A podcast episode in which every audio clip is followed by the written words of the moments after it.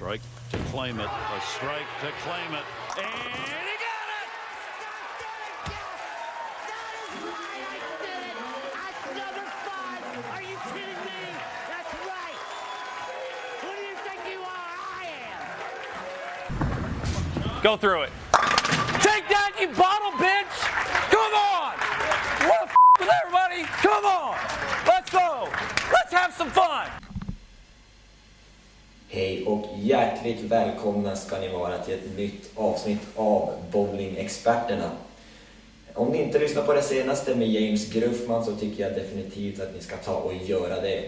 Men jag har inte en sämre gäst den här gången. Nu har det nämligen blivit dags för oss att få träffa Stockholmskillen som blev göteborgare, som blev skåning en liten stund och nu är tillbaka till Göteborg igen. Han har vunnit alla SM-guld som går att vinna. Han är född den 2 augusti 1993. Välkommen hit Magnus Jonsson Junior. Tack så hemskt mycket och välkommen hem till mig får man väl säga också. Ja, tack snälla. Ja, du har faktiskt bjudit över mig här. Vi, vi bor ju inte jättelångt ifrån varandra nu. Nej, det är Ja, inte ja. många meter ifrån varandra. Dörr i dörr till och med. Vi skulle kunna slå ut väggen och bara göra att våra två väldigt små lägenheter blev lite större helt enkelt. Ja, man skulle nästan säga att det blir eh, halvstort om man skulle göra det till och med. Ja, halv- halvstort för oss i alla fall. För Ja. Alla andra skulle tycka att det var någorlunda normalt bara tror jag. Någorlunda i alla fall. Ja, exakt. Nej, Två det- badrum dock, det är inte fel. Nej, det är lite inte Och de är ganska trevliga. Ja, de är inte fel. Lite röda väl. Ja, det, det är väl det emot. Annars, eh, annars bra. Annars bra. Ja, det är kul. Hur är läget Mange? Jo, det är bara bra. Har eh, precis kollat när ni grabbar eh, vann mot Arvika hemma. Kul, eh, kul att se att ni håller, håller uppe Pergamon. Vi, nu ligger vi etta för första gången Ja. under säsongen. Vilket eh, både är väldigt skönt men också... Eh, ja, det kommer som en liten chock egentligen att vi inte har varit etta en enda gång på hela säsongen. Faktiskt. Ja, Får jag väl ändå säga. Hur mycket med det tror du har att göra med att du inte har varit med och spelat? Ja, antagligen väldigt mycket skulle jag säga. Till stor... Nej, absolut inte. Nej, jag har haft lite otur med, med att ligan har krockat med stora tävlingar i USA där både Martin, Osko och Jeppe har, har varit borta och även Dan har varit borta på en eh, del tävlingar och det går väl inte att säga så mycket annat om att vi har haft ett sämre lag än tidigare år och det har ju visat sig, eh, har visat sig i resultatnivån. Det är väl inte så konstigt. Ehm, å andra sidan så har fler och fler eh, fått chansen som kanske inte fått det om vi hade haft fulllag hela tiden. Så på sikt är det ju, jag skulle säga att det är väldigt bra egentligen. Mm. Absolut. Hörru du, eh, du har precis blivit göteborgare igen. Du var, du var skåning där ett tag.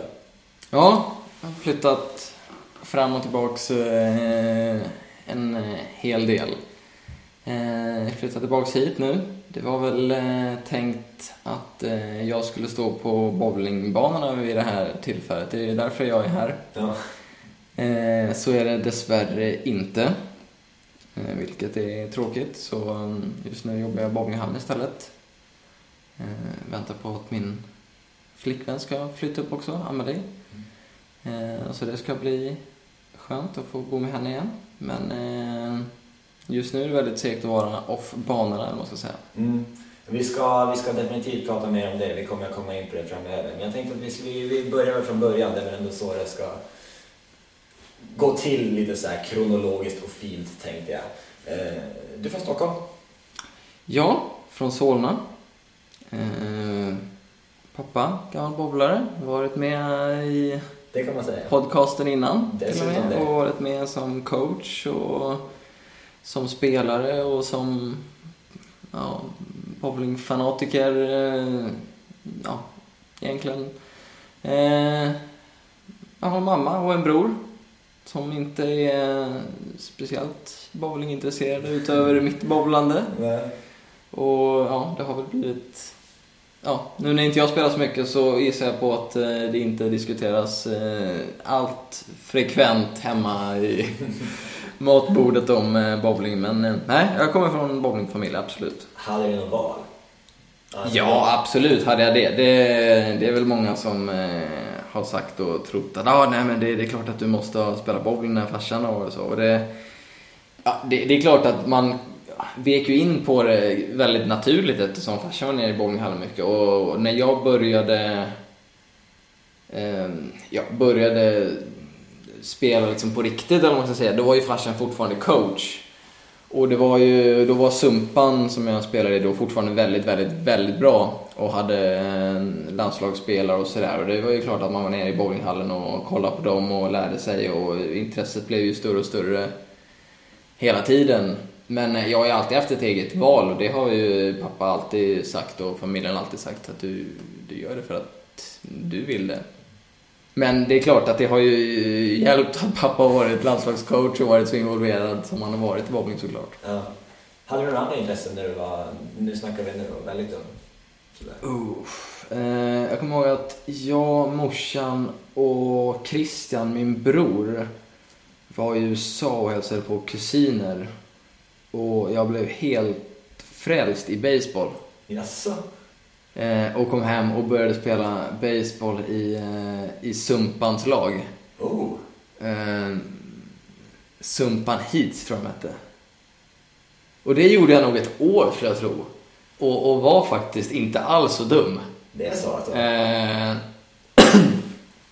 Var, spelade third base och var inte, inte allt för pjåkig faktiskt. Och spelade till och med någon, någon cup och liksom spelade hemma borta matcher och, och sådär ett tag. Men eh, sen märkte jag att eh, det, var, det var under den perioden jag var faktiskt inte så jätteframgångsrik eh, yngre när jag, var, när jag bowlade. Jag var ju, alltså ja, fortfarande väldigt liten. Men jag var ju jätte, jätteliten verkligen. Och, och det tycker jag är väldigt nackdel när man är så liten, man hade svårt att få mycket fart i bollen och man hade lättare klot än alla andra och liksom svårt att få varv i grejerna. Och, ja, man var ju sämre än de andra som var mycket större, men jag hade ju fortfarande bra teknik och kunde spela bowling och sådär. Men eftersom man hade lättare klot och sådär så fick man ju inte lika mycket poäng. Så att då tyckte man att äh, det var ganska kul att spela baseball eller ja, spela lite fotboll med grabbarna eller något sånt där. Men sen så, ja, så hände någonting över en sommar, eller jag vet inte vad som hände, men sen liksom så blev jag jävligt mycket bättre fort helt enkelt. Och, och då kände jag väl att, ja men alltså nu, nu, nu får man ju välja här. Antingen så, så blir jag väl halvdan på båda eller så får jag väl satsa på det jag är bäst på. Det var ju bowlingen. Så då hamnade baseballhandsken på hyllan och så började jag bowla mycket, mycket mer. Hur gammal är du här? 14, 15. Ja, Ja. inte mer än 15. Nej, okej. Ja, det skulle jag säga. Ja, okej, okej. Och sen då, efter det, när du, när du tar det här beslutet att, att verkligen hårt satsa på bowling, sen så, så som du säger så small det till och så blev du bra. Och sen det började ju hända grejer på dig för dig, både på ligamässigt och tävlingsmässigt på något år senare också. Ja, det hände väldigt, väldigt mycket under väldigt kort tid egentligen. Jag kommer ihåg första elitseriematchen. de tränade fredag... Nej. Torsdag kväll hade vi träning med Sumpan. Så var jag på träning, det var helt vanlig liksom, träning, det var inte mer, mer än så. Och Micke Carnold som eh, var eh, UK då, ja, mycket, mycket god vän till mig, speciellt under eh, senare tid när vi blev äldre än båda två, men eh, under den tiden så var väl egentligen bara ja, UK och jag såg ju upp till honom så mycket som det gick då. Och så sa han att du har några planer i helgen eller? Så jag bara, nej det har jag väl inte. Ja, nej, för eh, du ska med till, du ska med till Göteborg. Vi, vi har dubbelt borta liksom. Du får chansen i A-laget nu. Och jag trodde ju han skämtade liksom såklart. Då, då tror jag, om jag var, jag måste vara 15 eller 16 då. Absolut max 16. Och då hade vi Joker borta när de hade spelat på Strike Company. Det var... Nej, jo, spelade Strike Company. En av de första gångerna, eller första åren de spelade där, har jag för mig. Och de spelade på sån svår profil. Det var så mycket olja och jag kommer inte ihåg om det var 43 fot eller 44 fot. Och det, liksom, det gick inte att få bollen att svänga. Och det var förutom att det liksom inte gick att få bollen att svänga så var det ju svårt också. Och det var liksom min första match. Och jag, kommer ihåg, och jag kommer ihåg att vi inte hade någon nia heller. För att det, det var ju liksom, jag, jag fick ju inte chansen för att jag var tillräckligt bra. Jag fick ju chansen för att vi liksom inte hade folk. Men det fattade man ju inte då liksom. Så det var ju kul att, "Ah, fan ska vi spela? Fan vad nice liksom. Mm. Ja, och så hade vi det. Och sen så åkte vi till Frölunda och skulle spela mot Pergamon borta. Och vi fick ju ordentligt med stryk alltså. Det, jag kommer inte ihåg någon siffra men det, det var första gången vi spelade kortboll också. Jag kommer ihåg det var Cheetah. Okej. Och, och det var liksom första gången, ja, första gången jag såg uretan och det var liksom första gången jag spelade utifrån på riktigt liksom med kortolja och det... Nej, det var inte lätt kommer jag ihåg. Det, alltså det var ju aslätt, det var ju Cheetah, det var ju världens kronstrut egentligen. Men det, ja, du vet ju själv första gången man spelade på något som svängde efter halva banan, det var ju inte så Ja, kul liksom. exakt. Men eh, ja, det var i alla fall första gången jag fick ja, ställa upp där på riktigt. Och ja, var tättning på där så fick jag chansen i juniorlandslaget i Frankrike när Klossen var förbundskapten. Mm. Ehm, ja, absolut ett bra första mästerskap. Kom till Masters och vi vann guld i fyrmanna. Mm. Det var jag, Danne Fransson, Marcus Jansson och så var det... Herregud. Marcus Henriksson var det. Jaha, okej. Eh, han har väl inte spelat allt för mycket nu sista året, men han var med. All right. Och sen året efter det så var det i Tyskland. Ja. När den hallen var ganska ny. eh, Euro Challenge-hallen eh, i eh, Dreambowl Palace. Mm. Då var det jag, Jesper Svensson, Marcus Jansson och Filip Wilhelmsson var med då. Mm.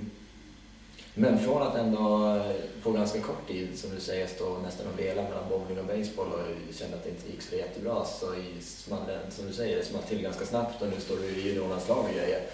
Ja, det, hann du liksom reflektera någonting över vad som, vad som verkligen hände där under den tiden? nej egentligen inte. Alltså jag har aldrig varit någon sån här jättetänkare riktigt. Jag har aldrig, ja, jag, jag bestämde väl mig själv liksom för att nu får jag ju satsa på bowlingen för att jag ser ju själv liksom att jag är bättre på boll än att spela baseball. Men sen så gick det ganska fort.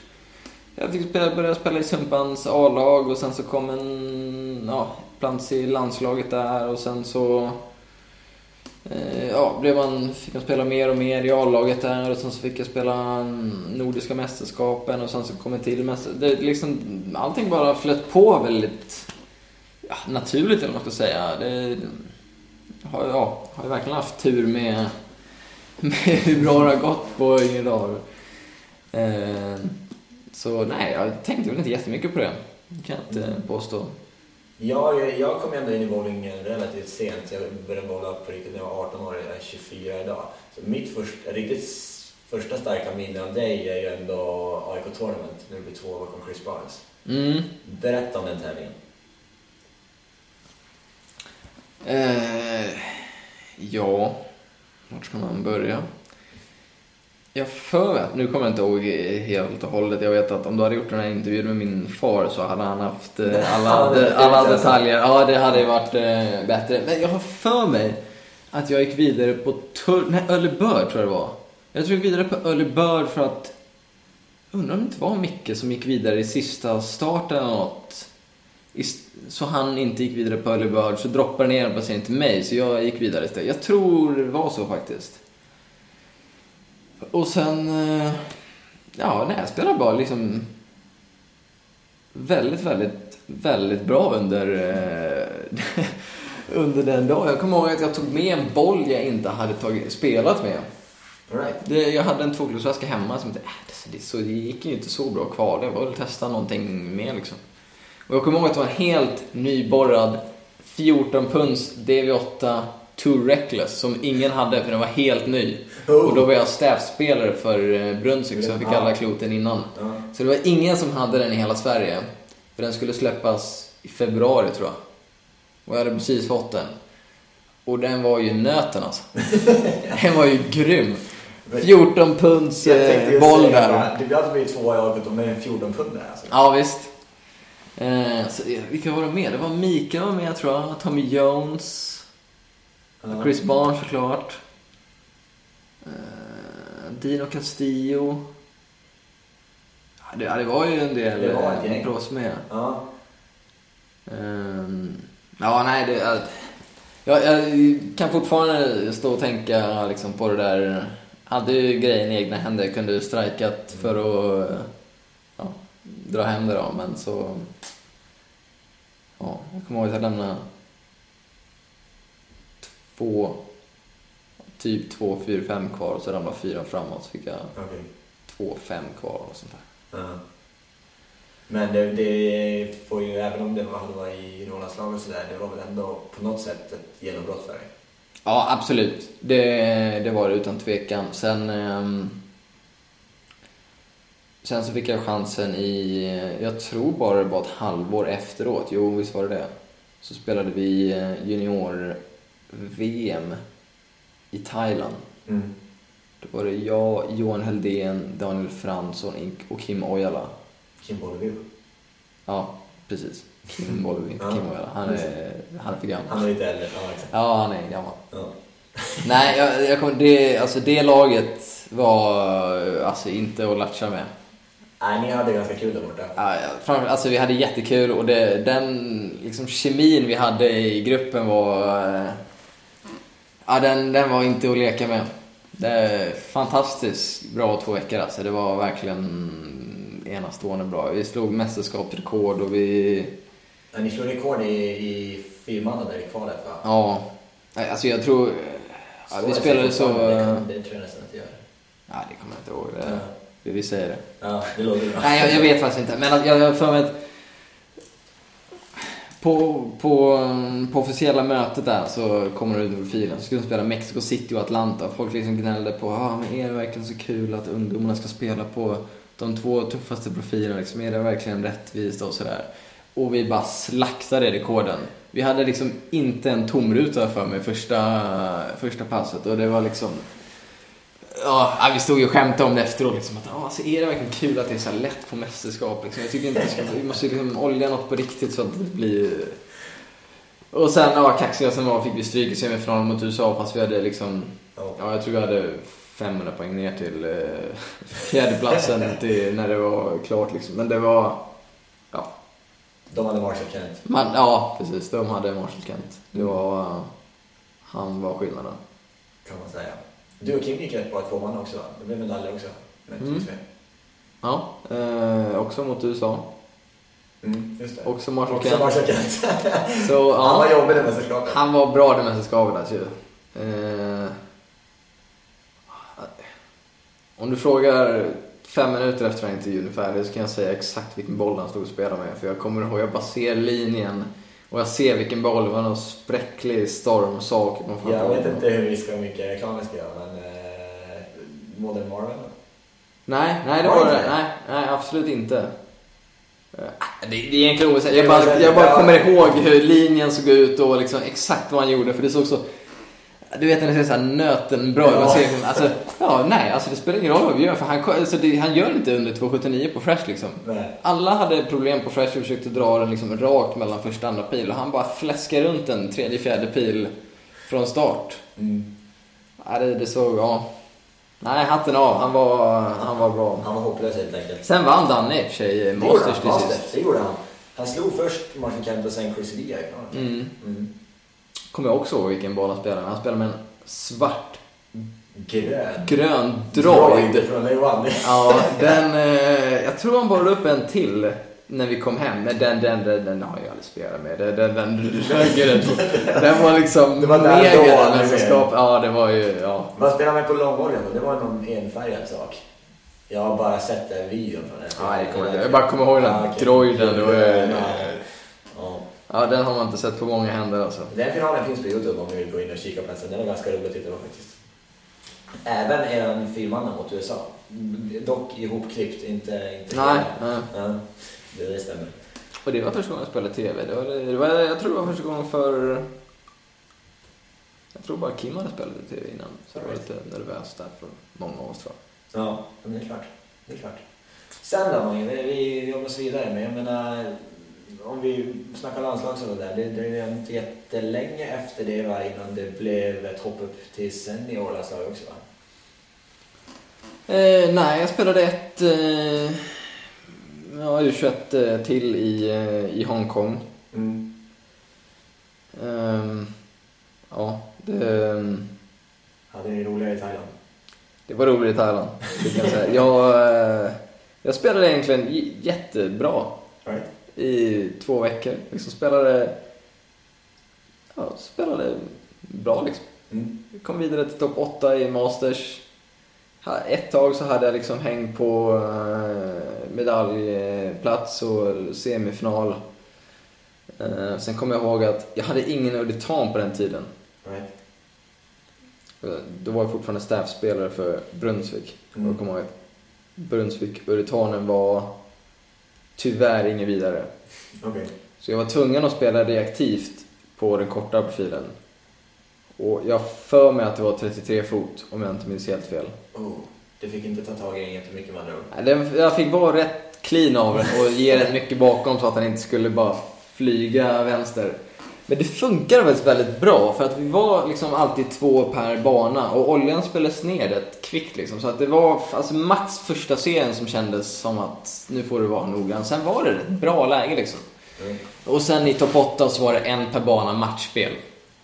Min reaktiva boll på 33 fot, en per bana, tyckte att det var semi. kan vi väl säga. Och ja, det, det blev ju liksom inget bra. Jag kommer inte ihåg vilken placering jag fick, men det var ju aldrig riktigt nära finalplats där tyvärr. Nej, okej. Så, men jag kommer ihåg i alla fall att alla kom hem med medaljer förutom jag. Det. Så alla kom hem med minst en medalj förutom jag. Det var lite segt faktiskt. Ja. Och då tror jag egentligen att jag spelade nästan bättre där än vad jag gjorde i Thailand två år innan. Hur besviken var du efter det mästerskapet? Både, både ja och nej faktiskt. Okej. För att... Jag kommer ihåg att vi satt efteråt liksom och, och det är klart man är deppig direkt efteråt och man ska på bankett och liksom hela den biten och fan att ja, alla har med sig liksom guldmedaljer och silvermedaljer och liksom sådär och här kommer jag hem med ja, på sig jordnötter liksom. Nej men alltså, men det får man ju liksom tänka och liksom försöka vara lite vuxen och tänka vad var det egentligen som hände och kunde jag gjort någonting annorlunda och så, så tänkte jag det enda jag kan tänka på liksom jag gjorde egentligen bara så bra jag kunde. Jag kunde liksom inte förbereda mig bättre eller spela så mycket bättre eller liksom känna att det här var inte bra. Liksom. Jag var liksom nöjd med mästerskapet så det... Ja, det jag kunde liksom inte säga så mycket. Det var bara lite otur med ja, lottningar eller liksom med... Ja, det, var, ja, det bara klaffade inte riktigt så som det skulle göra. Nej, jag förstår.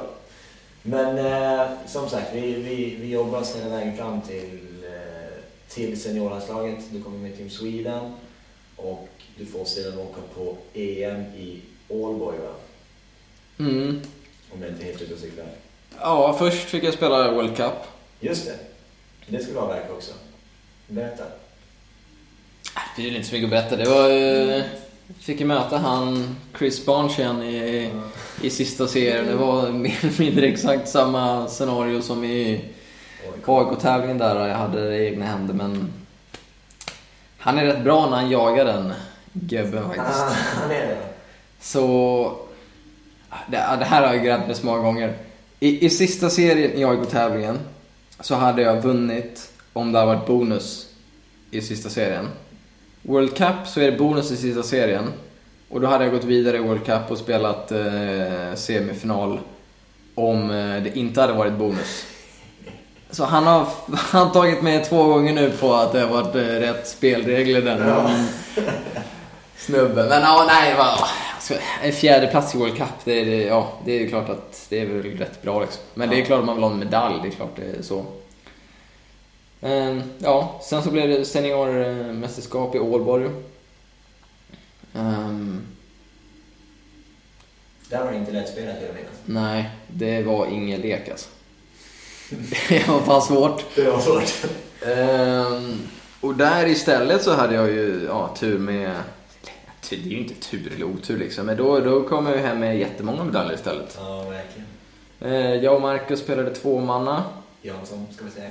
Marcus Jansson, precis. Ehm, och eh, ja, vi var ju nykomlingar då. Alla andra hade ju spelat eh, herrlandslaget innan. Men då spelade vi två manna, tog medalj där. Spelade tre manna med Jeppe och Danne. Daniel Fransson och Jesper Svensson. Tog medalj där. Och sen så fick jag vara med två gånger och i finalen i femmanna. Och förlorade mot Finland i finalen. Mm. Det var tajt. Ja, det var väldigt, väldigt tajt. Det kunde gått hur som där faktiskt. Ja. Men eh, ja, det var än en gång ett mästerskap som var helt okej från min sida. Ja. Vad, eh, om, om vi ska fortsätta vidare här, men jag blir lite nyfiken nu när vi sitter och pratar om alla mästerskap som ändå har gått rätt bra. Vad tror du har varit nyckeln för dig till att, till att kunna prestera när det faktiskt har drar ihop sig till mästerskap? För att det är ju lätt hänt att det knyter sig lite grann när det blir lite stora tävlingar och sådär, men du har ju ändå lyckats, lyckats eh, plocka, plocka fram mer eller mindre det bästa av dig själv i de här situationerna. Jag tror att... Jag vet, det har ju både varit bra och dåligt. Alltså tänket jag haft på mästerskap och hur jag förberett mig och liksom val av bowlingklot och liksom val med vad jag vill göra. Att jag har försökt tänka någorlunda konservativt på något sätt. Att välja klot jag vet passar liksom in, alltså försöka tänka så smart som möjligt och inte fladdra iväg någonstans utanför boxen och liksom göra saker som jag vet är bra, som jag vet passar, förbereda mig och spela tävlingar som jag vet är bra så att jag får någon typ av självförtroende fram till tävlingarna. Och det har både varit bra och dåligt skulle jag säga. För att jag har ju liksom inte gjort något dåligt mästerskap. Kan jag inte, det får, sen får ju coacherna tycka vad de säger. Men jag personligen tycker inte att jag har gjort något dåligt mästerskap. Men problemet när man ah, gör så som jag har gjort, det är att man, man kanske inte offrar så, så mycket så, som man kanske måste. Så att man verkligen kommer högst, högst upp och kanske liksom vinner. Mm. Men... Eh, ja. Nej, jag vet inte. Det är, man kanske gamblar och så går det as, as bra så får man en medalj i singel eller all event eller i masters. Men det kan ju lika gärna bita en och sen så går det jättedåligt och sen så förstör man för... Eh, för det är ändå... Det är ju ändå ett lagspel när vi kommer iväg dit. Alltså, jag ser ju att vi spelar två manna, tre manna och fem manna. Och sen så ser jag liksom singel och de här andra som, som bonus kan man få säga. Jag tycker att vi åker dit som ett landslag och som en grupp och vi ska vinna medalj för Sverige. Inte för min egen personliga del. Mm. Vad, ty- vad det här eh, tänket och uppladdningen som du säger att du åker dit med, är det någonting som du, som du någonstans bara haft med dig själv eller aktivt valt själv eller är det någonting som du snappat upp från någon annan eller pratat med pappa eller vad, vad, vad har du fått det ifrån så att säga? Nej, jag... Jag vet egentligen inte. Det, jag har väl bara gjort saker som, som jag vet eh, passar mig själv. Eh, Det finns ju ett par tävlingar på sommaren och mot sommarhalvåret där som jag försöker träffa och spela Alltså försöka spela bowlinghallar där jag vet eh, brukar gå ganska bra för min del och försöka bara ladda upp på ett så pass sätt så jag kommer dit med självförtroende och känner att jag är förberedd liksom. Inte spela för mycket tävlingar, känna att man har ett sug till mästerskapet och ja, nej, bara känna att man är liksom förberedd när man, när man väl kommer fram dit. För att det är ju många som tror att det är hur mycket bowling som helst när man väl kommer fram till eh, mästerskapet. Men, men vi tränar liksom lite innan mästerskapet. Sen är det sex serier max varannan dag. Mm. Det är inte jättemycket. Det är inte jättemycket, verkligen inte. Det gäller att vara på den det väl, när det väl är dags. Ja, ja verkligen. Så är det ju. Ja, det är klart. Men du Mange, när vi ändå eh, som sagt pratar mästerskap och sådär som jag, som jag nämnde här i, i introt lite grann så har du faktiskt vunnit eh, samtliga SM-guld som mig veterligen går vinna. Du har vunnit individuella SM, treman-SM och åttamanna i lag. Ja. Eh, Vi vann lite som i Örebro. Sen har jag vunnit tre manna med Jeppe Larsen och Robert Andersson. Och sen så åtta manna både med Sundbyberg och med Pergamo. Ja. Så det är, det är väl de de SM-gulden man kan vinna som eh, seniorspelare i Sverige om jag inte Nej, har helt fel. Exakt. Vi kanske sitter här. Ja, ja precis. Så kommer det 40 mejl sen Ja, när vi lägger upp det här. Har ni glömt bort det här eller? Förlåt alla ni som har vunnit i SMI på alla andra sätt som vi inte kommer ihåg nu. Ja, Men, eh, men, som eh, fortfarande går att spela ska ja, vi säga. precis, innan det ska det... Ja, helt klart. Vilket är du mest stolt över? Oh, hade ju nästan på känn att den här frågan skulle komma faktiskt. Den, den slipper du inte undan, så är det bara. Det är journalister. Jag Eh. Ja. Är jag för tråkig med att säga att alla tre är lika mycket värda eller Ja, kommer jag undan? men det är helt okej. Vill du vara tråkig så går det bra. Ja. Ja. Ja, men då, jag får väl svara någonting då. Ehm, nej, men om, om, då får jag väl nästan svara att eh, mitt första SM-guld med Sumpan, får man säga, bara för att det var det första liksom, ja. är ju alltid... Häftigt. Ja, jo men det är det ju faktiskt. Ja. Plus att det var väl... Ja, vi var ju underdogs det året liksom. Verkligen. Och, nej men det var häftigt. Plus att det var första gången man, man vann någonting stort och på riktigt eh, så inom herr... Eller inom seniorverksamhet eller vad man Mm. vill Vad säga. var det som gjorde då att ni, att ni lyckades vinna? Usch. Eh, jag var ju fortfarande väldigt, väldigt ung när vi vann. Ja, det var det. Eh, jag var 17 när vi vann. Mm. Ehm, så... eh, ja, vad ska jag svara där? Jag tror vi hade ju eh, lite hjälp av finnarna som var med det året, kommer jag ihåg. Eh, det var ju såklart en stor faktor till att jag fick en liten boost i laget där. Men jag kommer ihåg, det var en profil som passade oss väldigt, väldigt, väldigt bra. Ehm, jag kommer också ihåg, och till sån materialgrej. Jag kommer ihåg att Liberator precis hade kommit ut och alla i hela laget borde Liberator. Jag kommer ihåg Dennis Eklund som spelade med oss i Sumpan då. Han bara krängde ju Liberator till alla. Nu ska vi fan ha den här bollen. Jag jag för mig att det var Sydney vi spelade på. Okej. Var det det? Kan det ha varit det? Nej, jag vet inte. Men Ja, det var kort i alla fall och det var i, eh, i eh, Jönköping där. Och den var ju asgrym alltså. Ja. Alltså, alla eh, spelade 6, 7, 8, 9 i laget höjde sig ju fan 5-10 poäng alltså. Eh, för, ja, jag vet inte hur mycket bollen det var men vi hade liksom ett bra, eh, bra snack i laget och eh, skön sammanhållning. Och det, det var väl det egentligen som gjorde att vi vann. Det var ju inte att, att Linus, Dempa, Erik och, och Micke, att de spelade så bra. Det var ju egentligen att, att de sista fyra höjde sig. Skulle jag säga var den största faktorn till att eh, vi vann. Mm. Sen måste du också avverka klubbytet när du väljer att lämna Stockholm för, för Göteborg. Mm. Hur, hur, var, hur var det? Det var ju eh, väldigt känslomässigt såklart. Ja.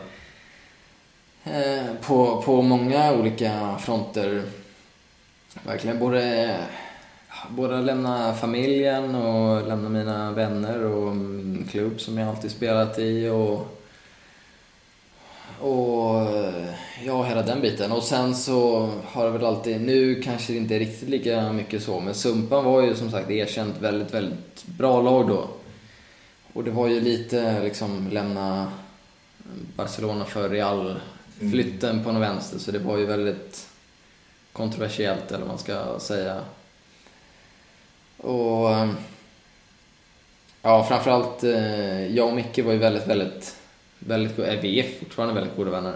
Kanon. Eh, så det var ju väldigt, väldigt jobbigt att lämna honom. Det var ju under en period där, där Sumpan eh, var på väg ner. Men eh, jag var ju väldigt nära att, att gå till klubben året innan, men då, då var jag kvar i Sumpan och, och höll klubben uppe i elitserien. Vi eh, kvalade i Örebro mot... Nej. Jo, mot Olofström sista matchen tror jag.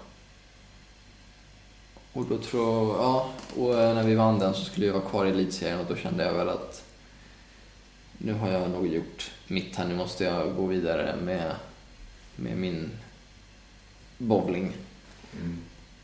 Så ja, det var på den vägen. Efter den matchen så hade jag bestämt mig och Då blev det Göteborg till Bergman helt enkelt. ja, det... Ja, så blev det. Så blev det. Ja. Vi går tillbaka Magnus. Du, efter ehm, mästerskapet i Danmark och så vidare så nu är det, var det det senaste Europamästerskapet? Eller har det varit ett efter det? Mm, nej. Nej, det var inte det. Det var i senaste mästerskapet. Skulle du ha varit med? Du skulle ha varit med i laget. Men, eh, men så blev det inte. Be, berätta. Ehm, ja, laget var uttaget och laget var klart och um, hade samling i San Marino kommer jag ihåg. Vi delade ut matchkläderna redan då. Ehm, Så alla fick eh, sina kläder under den tävlingen, Europatour-tävlingen där. Ehm, det gick inte så bra för mig den tävlingen kommer jag ihåg. Jag hade ont i handleden eh, redan då och tänkte att ja, det är väl inte så mycket med det. Men jag kände att någonting var mer fel än att bara ont för att jag gjorde saker och ting som, som jag liksom inte gör riktigt. Att jag, jag anpassade min teknik efter att jag hade ont. Ehm, tänkte inte så mycket med det. Åkte veckan efter, ja, för jag hade dålig känsla liksom i kroppen och jag visste att jag måste göra någonting för att hitta liksom, någonting bra. Så jag åkte med Robin Persson ner till Tyskland veckan efter och skulle spela tävlingen där. Och det gick faktiskt ganska bra. Det gick till och med... Ja, det gick, ja, det gick ja, det gick helt okej tävling. Liksom. Men eh, jag hade än en gång som väldiga problem med handleden och kände att det, det är någonting som inte är bra här. Så jag pratade med Eke, så vad ska vi göra liksom? Alltså jag... Så blir det värre än det här, då, då är det liksom illa. För det, det är knappt så att jag kan lira nu. Så, ja, kolla upp det för säkerhets skull. Liksom. Ja, kolla upp det. Och det här var liksom, vi snackar dagar innan vi ska åka till, eh, till EM. Mm. Ehm, Så ringer jag eh, sjukvården och kollar. Ja, vi kan tyvärr inte hjälpa dig så här tätt inpå där du är just nu. Eh, Det enda vi kan hjälpa dig med det är om du är i Stockholm. Ja, men när har ni tid då? Ja, då har vi tid, eh, jag tror- det var första eller andra eller om det var tredje augusti, jag kommer inte ihåg. Mm. Så, ja, men det funkar faktiskt väldigt, väldigt bra för jag är från Stockholm och jag fyller år då så att jag har ändå tänkt vara uppe med familjen då. Ja, men då bokar vi in det jätte, jättebra, jättebra. Ja, bokar in där. Firar födelsedagen hemma i Stockholm, allt är frid och fröjd. Jag ska försöka träna, det går liksom inte. Det är mer och mer ont.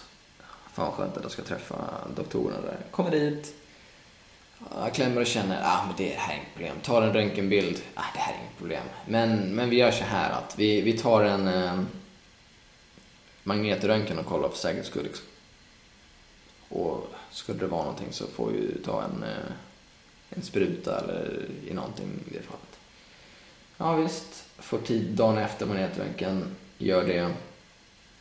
Och sen, eh, ja, sen tar det ändå en, två, tre dagar. Så ringer de och säger att ja, du måste komma tillbaka hit och, och kolla på röntgen och sådär. Ja, och då tänkte jag att ja, nej men det är, det är väl lugnt. Han sa ju att det ser ju bra ut.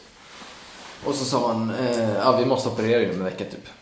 Jag tänkte, det här var ju inte riktigt det jag hade förväntat mig liksom. Jag kom dit med, oh gött, det ska bara, i värsta fall så får jag en spruta typ. Ja, nej, så frågade jag liksom, ja men vad är det som händer?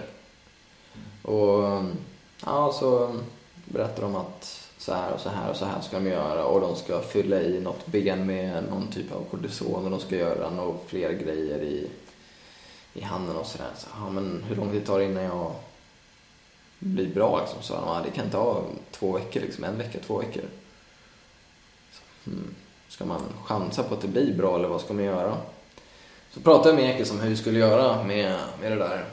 Och det visade sig att att använda kortison är dopingklassat. Okej. Så... Alltså, nu har de ju... An, ja.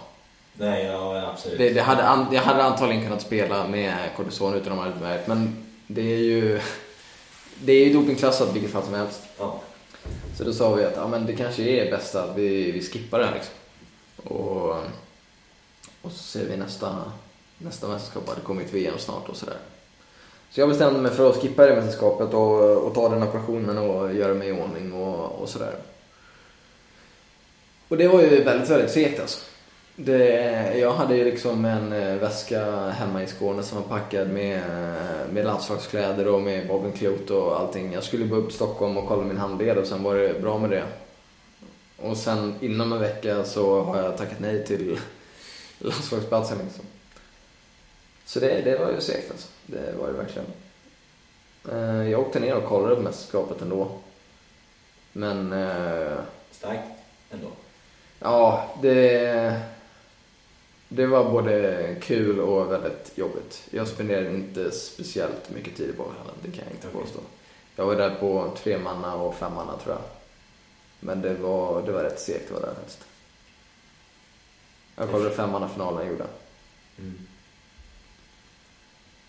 Och sen, eh, när du kommer hem därifrån, vad, vad hände?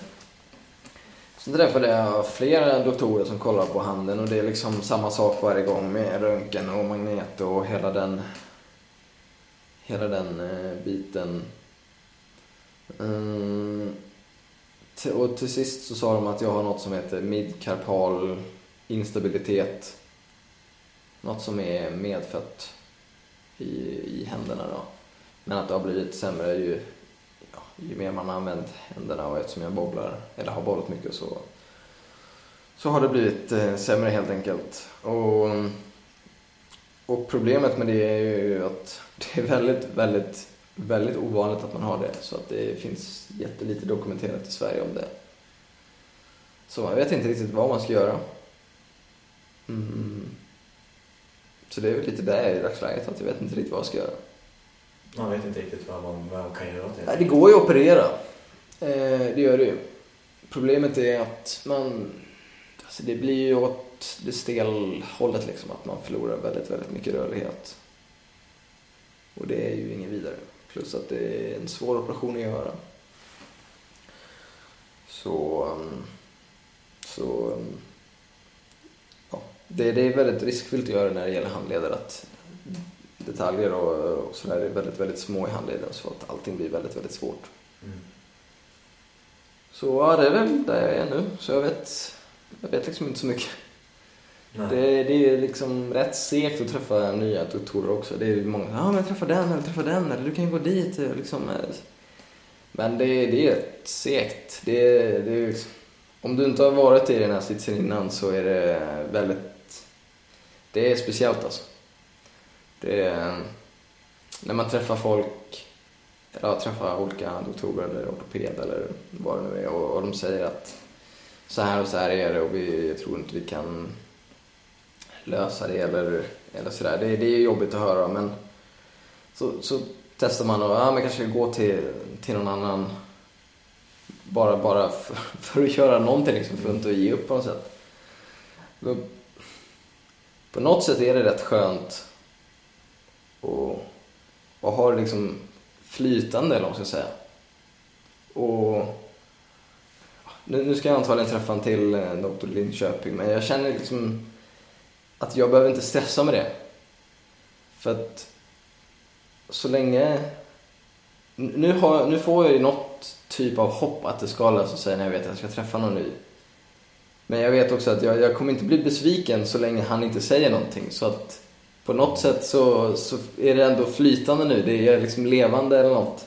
Så jag känner inte att jag måste liksom springa dit för att om, han, om jag kommer dit och han säger precis samma sak som andra lä- läkarna så blir man liksom krossad en gång till eller vad man ska säga. Och det är jobbigare än vad man tror faktiskt. Det kan jag tänka mig. Hur har det varit att, att hantera allt det här? För det måste ha kommit ändå sjukt oväntat på något sätt.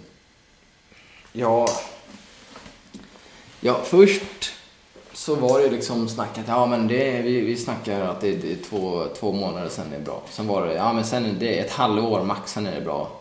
Sen var det ett år och nu är jag liksom fast i att ja, vi vet inte hur vi kommer att lösa det här. Så det har liksom hela tiden blivit värre och värre, värre måste säga. Men det jobbigaste är väl Jag vet inte riktigt vad man ska göra. Vad, hur man än gör så är det ju rätt segt. Mm. Är jag nere i bowlinghallen så är det segt för att jag vill ju bowla och det är väldigt många som frågar saker och, och den biten och det är...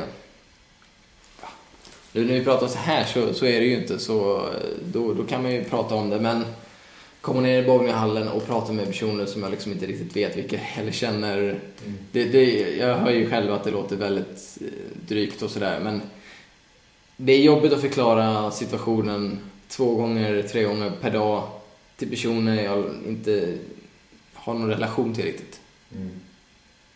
Det, det, det är jobbigt. Och liksom se er bowla och liksom, jag ser att ja, men det här, jag vill liksom vara med. Okej. Speciellt när klubben har varit... Ja, det har ju gått i våra mått mätt lite mediokert. Vi har ju förlorat flera, ja, flera matcher har vi gjort på hur många år som helst. Och då är det klart att man vill vara med och hjälpa till på något sätt. Men ja, man får försöka hjälpa till på andra sätt. Få någon, få någon annan roll i klubben och försöka hjälpa till med några tekniska bitar eller någon, någon annan typ av eh, del försöka hjälpa till på, på något vänster. Mm. Det är egentligen inte det man kan göra egentligen. Det är ju... Ja, nej, jag vet inte riktigt vad, vad mer man ska göra. Det, jag har försökt att bara stänga ut det helt och mer eller mindre vara hemma och skita i bowlingen. Och det, då mår man dåligt för att man saknar bowlingen. Men är man nere i bowlinghallen så mår man dåligt för att man inte kan bowla. Jag vet inte riktigt. Det, Nej. det, ja, det, det är vad det är. Det är, det är en sjukt tråkig situation i alla fall. Men eh, om, vi, om vi lämnar det tråkiga med hallen en stund och sådär. Jag skulle vilja gå in lite grann på du, eh, du jobbar ju ändå en del med bowling som du säger både att du, du hjälper till på egen på sidan av banan och sådär men sen så kommenterar du även Junior Master-finalerna. Eh, nu för tiden på bowlingkanalen. Ja, ja, det har varit väldigt, eh, väldigt spännande. Det, ja, inget ont som inte har något gott med sig, vad säger man? Nej, det är väl så. Nej men, ja, det är, när man är bowlare så tänker man liksom bara Och då tänker man bowling på ett sätt. Men nu när man har gått ett halvår, ja, mer än ett halvår nu faktiskt. Eh, bakom banorna så får man, börjar man tänka på något annat sätt. Jag tänker ju fortfarande bowling men jag tänker ju på ett annat sätt liksom. Jag ser eh, bowlingen på ett lite annat sätt och, och sådär. Så det, det är väldigt spännande att, att kommentera. Det, mm, har väl gjort eh, en del innan på, eh, på Eurosport för några år sedan när vi hade bowlingen där. Mm. Men det, det blir lite annan grej eh, när man streamar så här. Det blir väldigt långa, långa intensiva dagar. Börjar Mm. tidigt och slutar sent. Den här mediabiten, är det någonting som, som du som intresserar dig som du skulle vilja hålla på med framöver? Jag vet inte, alltså jag tycker, tycker det är kul att snacka. Ja, det, de flesta som känner mig vet att man att jag är väl ganska bra på att gaffla på. Eh, så ja, sen jag tycker väl att jag är relativt duktig liksom. Ja. Men eh, sen vet jag inte vad andra tycker och, och sådär. Men jag, jag tror inte jag, så duktig är jag inte så att det är något jag känner att jag vill hålla på med. Jag tycker att det är en kul grej att hjälpa till om, om det behövs. Right.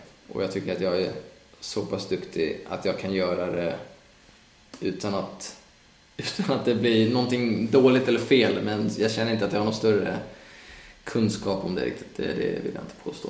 Okay. Men nu när du har varit ute och sett en hel del juniormasterfinaler och sådär. När du ser liksom morgondagens svenska bollar helt enkelt. Vad, vad, vad, vad ser du när du, när du är ute och kommenterar helt enkelt? Jag säger många frågor. Jag säger en, en del väldigt, väldigt positiva saker. Jag ser en del saker som jag ehm, har reagerat lite på. Ehm, som jag... Jag vill inte använda ordet dåligt, vill jag verkligen inte göra. Men som, som jag är lite rädd för, om man ska säga. Ja. Att jag ser en trend som håller på just nu som är lite oroväckande faktiskt. Jag, jag, jag kategorerar mig själv och, och de som eh, är i min åldersgrupp, inklusive dig, Danne Fransson, Marcus Jansson, Jesper Svensson. Alltså den här eh, kulmen till egentligen den, den äldre generationen av bowlare. När vi växte upp så, så hade vi liksom inte oljeprofiler och vi hade liksom inte det är klart att man oljade om banorna men det var liksom inte den manin som det är nu riktigt. Men du gick ner och bowlade och svängde bollen så svängde bollen och då fick du flytta och svängde inte bollen så fick du spela rakare och, och svängde den. Men man fick lära sig bowling på ett annat sätt egentligen som jag, som jag tycker att man inte riktigt att de yngre spelarna inte riktigt gör nu. Um, när vi var små och... Var små, nu, nu låter det som att jag är mycket, mycket äldre än vad jag är. Men när, när vi växte upp och bowlade så fick vi, då fick vi lära oss liksom att läsa av bollen. Och, och liksom göra det bästa av banan och situationen. Eh, men framförallt så var du ju tvungen att lära dig bolltjej. Vad, vad bollen gjorde, vad ska jag göra för att få bollen att göra så här? Vad händer om jag gör så? Läs, vad, vad, kom, vad, vad är nästa steg och varför händer det här? Hela den biten. Och sen så när vi blev eh, liksom äldre och, och framförallt den här eh, internetbiten och, och så kom fram och profiler kom upp mycket mer och man kunde liksom ladda ner profilen på dagen och lägga in den i oljemaskinen och du kan ha oljeprofilen i telefonen och, och, och den biten så, så var vi ändå så pass unga så att det, det blev ändå som en väldigt lätt genomgång eller vad man ska säga. Alltså, ja, man lärde sig väldigt, väldigt enkelt och det var... Ja, det kändes naturligt liksom. Så att vi... Jag tycker att vi har fått det bästa från den äldre generationen med att läsa av banor och den. Men också det bästa av den nyare med att vi har fått eh, ålderprofiler och med den hysterin det har blivit med, med klot och liksom värden och, och layouter och liksom bara stirra sig blint på siffror. Det, det är det jag vill komma fram till. Att det, det är den biten som jag ser är lite oroväckande med dagens bowling. När jag sitter i ja, det lilla kommentatorsbåset eller vad man nu ska säga och ser de här ungdomarna som spelar nu. Och, och man hör liksom, ja ah, men alltså jag kollar på profilen och den är 37 fot och det är så här mycket olja där och den shapar upp där och det är liksom så och så. Och, och då kanske man ska använda en boll med 249 RG och kanske en 15 pinne, kicka ut seger lite och sen ha 2000 lit. Alltså man, man hör ju att att ni har ju koll på vad ni pratar om. Alltså, du har ju kunskap om vad... Du, du, liksom, du pratar ju inte bara struntprat. Jag hör ju att du vet vad du pratar om. Men om inte hans idé funkar, eller hennes, eller det spelar ingen roll. Ja, ja. Om inte den idén funkar att nu profilen ser ut så och den bollen ska användas och jag ska stå på ribba 7 och sikta ribba 5 och liksom ha den farten. Om inte det funkar så tycker jag att de yngre bowlarna just nu de har inte kunskapen att se okej, okay, det här funkar inte, vad ska jag göra nu? Man stirrar sig blint på siffror bara. Att man glömmer bort att vad som faktiskt räknas, det är ju vad, vad bollen gör och liksom hur är topografin och, och, och svänger bollen här fast oljeprofilen säger att den inte ska svänga där, då svänger bollen där ändå. Jag kommer alltså, vi spelar i Örebro till exempel som är känt för att det är väldigt lätt att spela utifrån där. Och jag kommer att spela Tokyo 43 fot och den profilen ser inte ut att man ska spela utifrån. Men då visste ju liksom alla att den här hallen är bra att spela utifrån så då spelade alla liksom mer eller mindre höger om 50 pil fast det var 43 fot och den är liksom platt där mer eller mindre. Och det är den kunskapen jag är rädd att den försvinner mer och mer. Att man man bara stirrar sig blind på liksom, ja, fram, fram, siffror på klot och, och oljeprofiler och, och den biten. Det, det, är jag lite rädd för att, det, att det kommer bita oss snart alltså. Det är så alltså? Sen kan det vara jag som överreagerar och har blivit en gammal gubbig farbror som bara är gnällig nu när jag blivit skadad. Men jag, jag ser Sen så, jag, jag, menar liksom inte att alla gör så, eller, men jag ser att det finns en trend som, som går åt det hållet. Och, och så som det ser ut just nu så säger jag inte att det, det är någonting farligt liksom, eller så. Men jag bara, jag ser att det, att det finns en tendens till att bowlingen går åt det hållet. Och det, ja, det tycker jag är lite, lite tråkigt. Jag tycker ändå det är en väldigt, väldigt intressant analys på något sätt. Jag, jag kan inte säga att jag har hört den tidigare, även om det, det makes sense något otroligt när du väl pratar om det. Det känns ju lite grann som, som det mesta i, i dagens samhälle, på att säga. Det går mer åt, åt eh, vad som står i facit, så att säga. Än, Jo, men alltså man vill ha liksom så... Ja, nu ska vi inte göra det till en samhällsfråga, men alltså med, med allting nu med internet, du, du får liksom, du googlar någonting, du får svar på direkten och alltså allting är ju bara instant. mm. Och, och du, du kan liksom inte bara kolla på oljeprofilen och säga du ska spela eh, ribba 5 för att oljeprofilen säger det. Du måste gå in själv och lära dig och det är, liksom, det är mycket mer än att bara... Alltså bowlingen är så mycket mer än att kunna läsa papper. Men jag hör ju att... Jag hör ju att alla ungdomarna nu, de, de, de, de vet ju vad de pratar om. Så att det enda som behövs det är att man liksom spenderar mer tid på banan och kanske liksom inte oljar så mycket. Låt det som ligga, ligga liksom. Det, jag tycker att det, det kan vara en bra träning för många. Om det är några yngre nu som lyssnar så det är ett hett tips alltså. Låt oljemaskinen stå där den är och bara kör på det som ligger och fundera på vad är det som faktiskt händer med mitt klot nu och varför gör det så? Och vad händer om jag går runt bollen? Ja, det händer så. Vad händer om jag går bakom nu? Och vad händer om jag tar det här klotet? Eller lär dig mer om ditt eget spel och, och dina klot och sådär innan du stirrar dig helt blind på siffror. Kom ihåg att det var varför jag... Det här började faktiskt med, det är, nu är det en hemlis här, men det här började med en artikel jag skrev som inte har blivit upplagd och som aldrig kommer läggas upp. det ska vi nog se till. Men det började med att jag såg, först och främst hörde jag det här eh, snacket som jag pratade om. Ja, jag ska spela så här och så här med den bollen och liksom den här ytan och den här layouten och kicka ut segel lite med balans. Alltså hela den biten. Och, och sen så...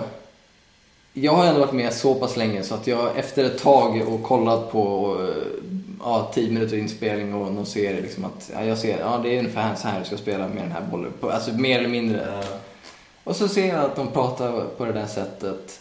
Och så, så står han liksom 12 ribbor fel och gör något helt annorlunda. Okej. Och det ser ut som att liksom, ah nej men alltså, vad är det här typ?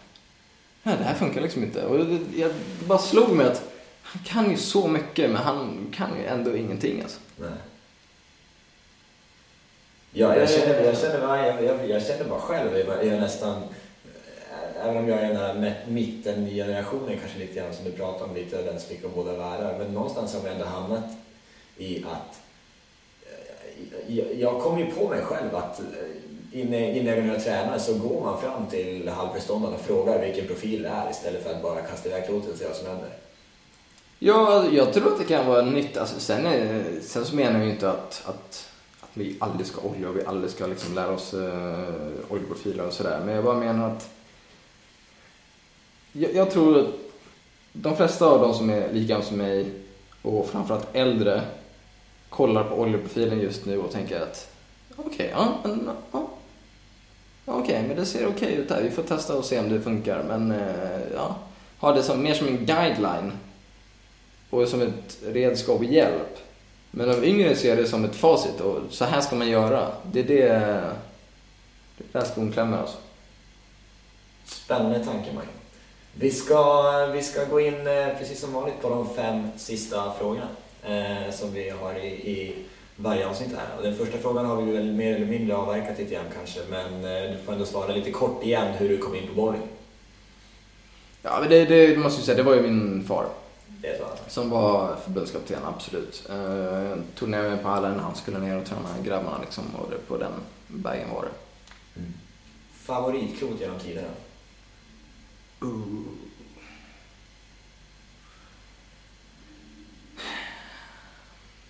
Får jag göra två? Mm, Okej. Första tre serierna, revolt, sista tre serierna. Flytta 15 ribbor längre vänster och sen spela paranoia. Okej, då, då blir det högt. Ja, nej, det, det var ingen lek alltså. Det är så alltså. Eh, vilken prestation är du mest stolt över? Mm, mm, mm, mm.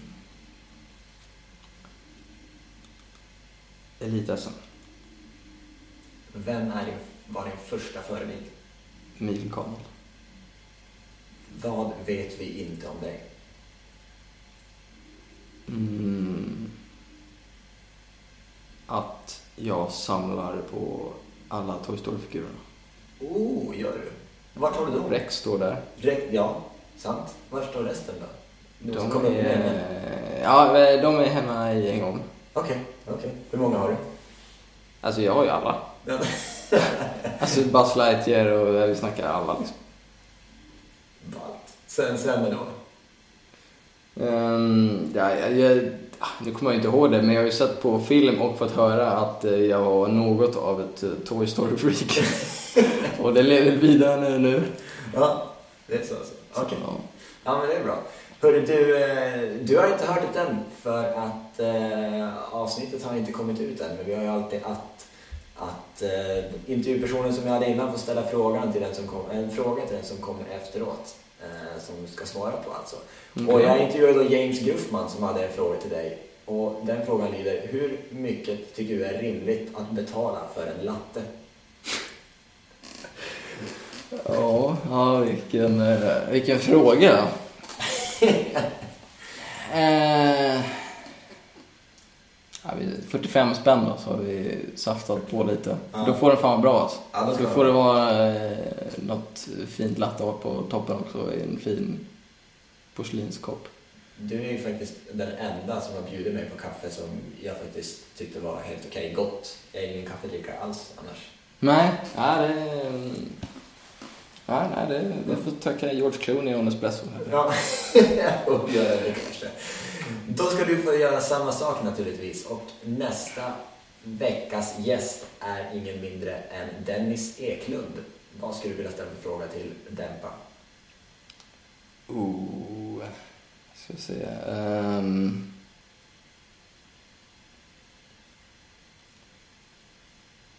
Dennis, skulle... Vem hade du helst velat ha en eh, hel kväll på Stureplan med? Eh, är det A. Dr. Alban eller B. Zlatan? Och nu blir jag mycket besviken om man... Eh, ja, nej, jag ska inte säga vem man ska svara på, men eh, jag förväntar mig eh, ett bra svar faktiskt. Okej, ja det, det är faktiskt jag också. Hörru du Mange, det var en ära för mig att få sitta och prata med dig en stund. Jag hoppas verkligen få se dig på banorna framöver och om inte annat att du i alla fall håller dig i bowlinghallen. För det känns som att det är där du är hemma. Tack snälla för att du tog dig tid. Tack så hemskt mycket Adam. Det har varit eh, otroligt trevligt.